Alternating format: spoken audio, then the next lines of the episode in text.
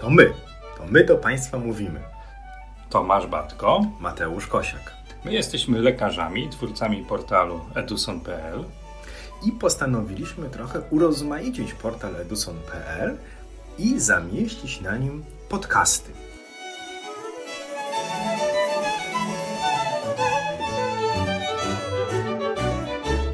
Dzień dobry. Dzień dobry. I jest taka scena. Albo ona, albo on bada pacjenta i badający jest taki napięty, taki przejęty i myśli sobie: objaw mi się, objaw mi się, objaw mi się. Trochę jak wodniku szuwarko wychodź. Na takiej zasadzie, że czeka na przykład na wyrostek robaczkowy, albo na ektopową nerkę, albo na przykład nie może znaleźć pęcherzyka żółciowego i objaw mi się, objaw mi się, jak mantrę powtarza. Czeka na objawienie, objawienia ultrasonograficzne. A, wiesz, czasem czeka i nie chce zobaczyć tego, co widzi, nie? Bo wiele z tych objawów, one są po prostu. One są, tylko my ich nie widzimy, bo jesteśmy tak ufiksowani na pewnych naszych własnych oczekiwaniach, że nie jesteśmy w stanie zobaczyć tego, co naprawdę dolega naszym pacjentom. To jest znana historia, przecież nam wszystkim, że najtrudniej jest dostrzec te duże zmiany u naszych pacjentów. Te wręcz wydawałoby się bijące, pijące po oczach choroby.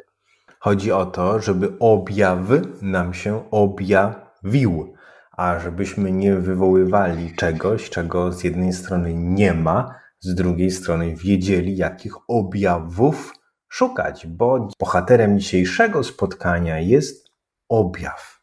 Objaw, czyli słowo jakże ciekawe, jakże często używane u nas podczas badania ultrasonograficznego, no bo na przykład zdarza się, że piszemy, że objaw migotania, objaw świetlika, albo zdarza się, że piszemy o innych objawach ultrasonograficznych, dodatni bądź ujemny objaw Murphy'ego, podczas kamiczego zapalenia pęcherzyka żółciowego. Objaw według słownika to oznaka, oznaka jakiegoś zjawiska. No i ten objaw Murphy'ego miałby być oznaką kamiczego zapalenia pęcherzyka żółciowego, bądź bez kamiczego, ale częściej kamiczego. Natomiast ten artefakt migotania, objaw świetlika, byłby oznaką kamicy układu moczowego. No właśnie, czyli taką pośrednią cechą, która ma świadczyć o chorobie u naszego pacjenta, albo ma tą chorobę wykluczać. No bo nie każdy objaw, który widzimy, zwłaszcza w badaniu USG, jest objawem, który potwierdza nam chorobę u naszych pacjentów. Wiele z tych objawów, które wykorzystujemy na co dzień w badaniu ultrasonograficznym, to są objawy, które pozwalają nam wykluczyć chorobę. Chociażby prosty z brzegu, z czubka głowy naszych pacjentów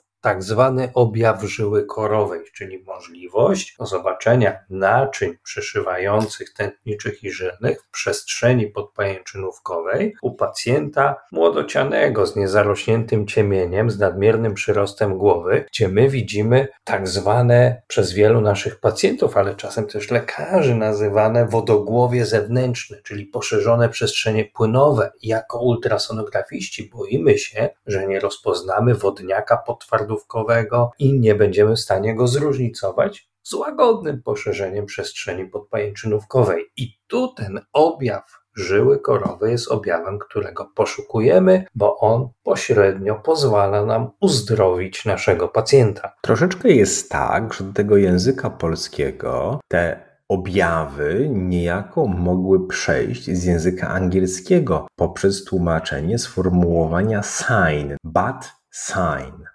objaw nietoperza.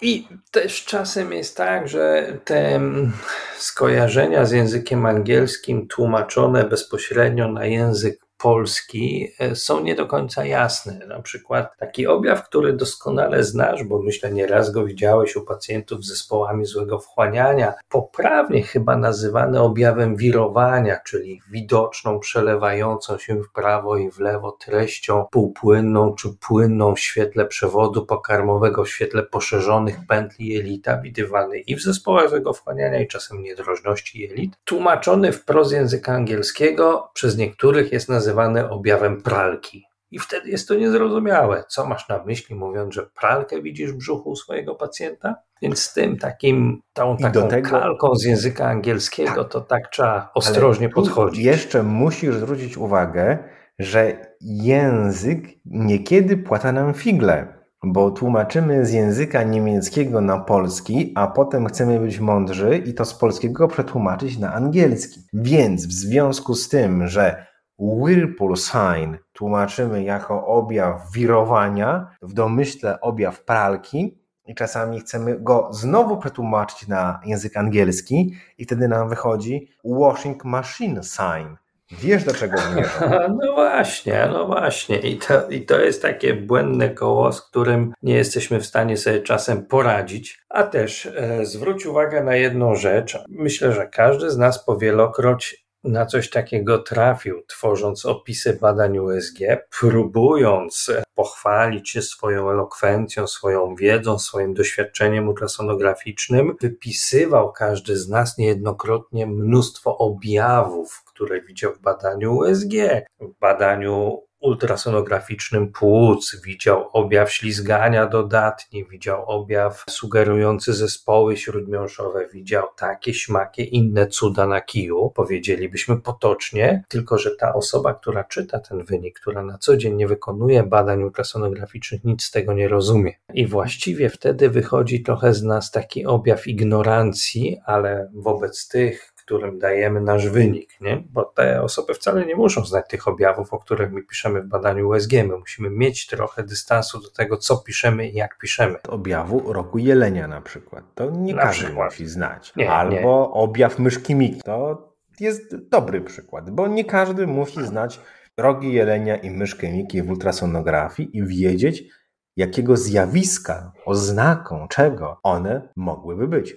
Tym bardziej, że objaw myszki Miki, żeby jeszcze sytuację skomplikować, wcale nie jest przyporządkowany do jednego zjawiska. A no właśnie, bo on równie dobrze może być obserwowany przez nas w okolicy wnęki wątroby i wtedy go poszukujemy, jak również możemy go widzieć na kończynach dolnych naszych pacjentów. A przede wszystkim e, my te objawy różne ultrasonograficzne, które widzimy, wykorzystujemy do potwierdzenia bądź wykluczenia pewnych zjawisk, pewnych schorzeń, pewnych przypadłości, które są u naszych pacjentów, ale musimy skrzętnie nimi manewrować, tworząc badania, opisy badań USG, to o czym przed chwilą już powiedziałem. Myślę, że się z tym zgodzi, że niekoniecznie zawsze i wszędzie musimy pisać o tym, że widzimy jakieś objawy ultrasonograficzne, tylko musimy umieć wyciągać wnioski z tego, co my tak naprawdę widzieliśmy podczas badania, tak, w taki sposób, aby one były czytelne dla odbiorcy. Ale wiesz, jak myślę sobie o słowie objaw i o ultrasonografii, to oczywiście trochę w krzywym zwierciadle wyobrażam sobie młodego adepta ultrasonografii, który czeka na objawienie, że mu się objawi na ekranie.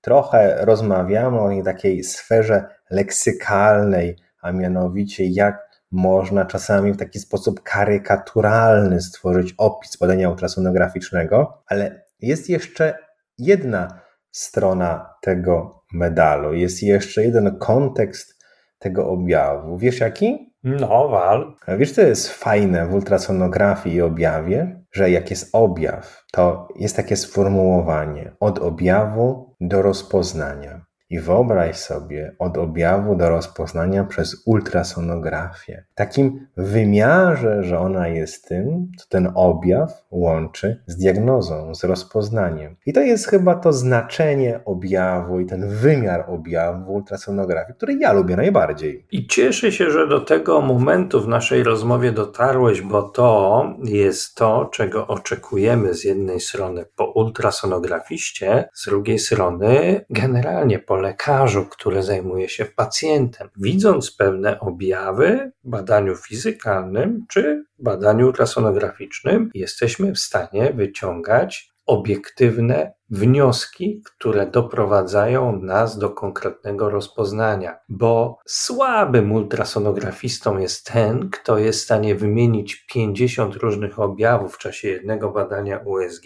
a nie jest w stanie tych objawów połączyć ze sobą w taki sposób, żeby uzyskać ostateczne rozpoznanie u swojego pacjenta. A dobrym ultrasonografistą jest ten, który na podstawie dwóch, trzech objawów i kilku krzyżowych pytań zadanych pacjentowi jest stanie wyciągnąć konkretny wniosek kliniczny. I myślę, że tego sobie przede wszystkim musimy życzyć. Więc niech objawi nam się nowa jakość ultrasonografii, ależ to było wielowymiarowe i wieloznaczne, ale Państwo zrozumieją. Do usłyszenia. Do usłyszenia.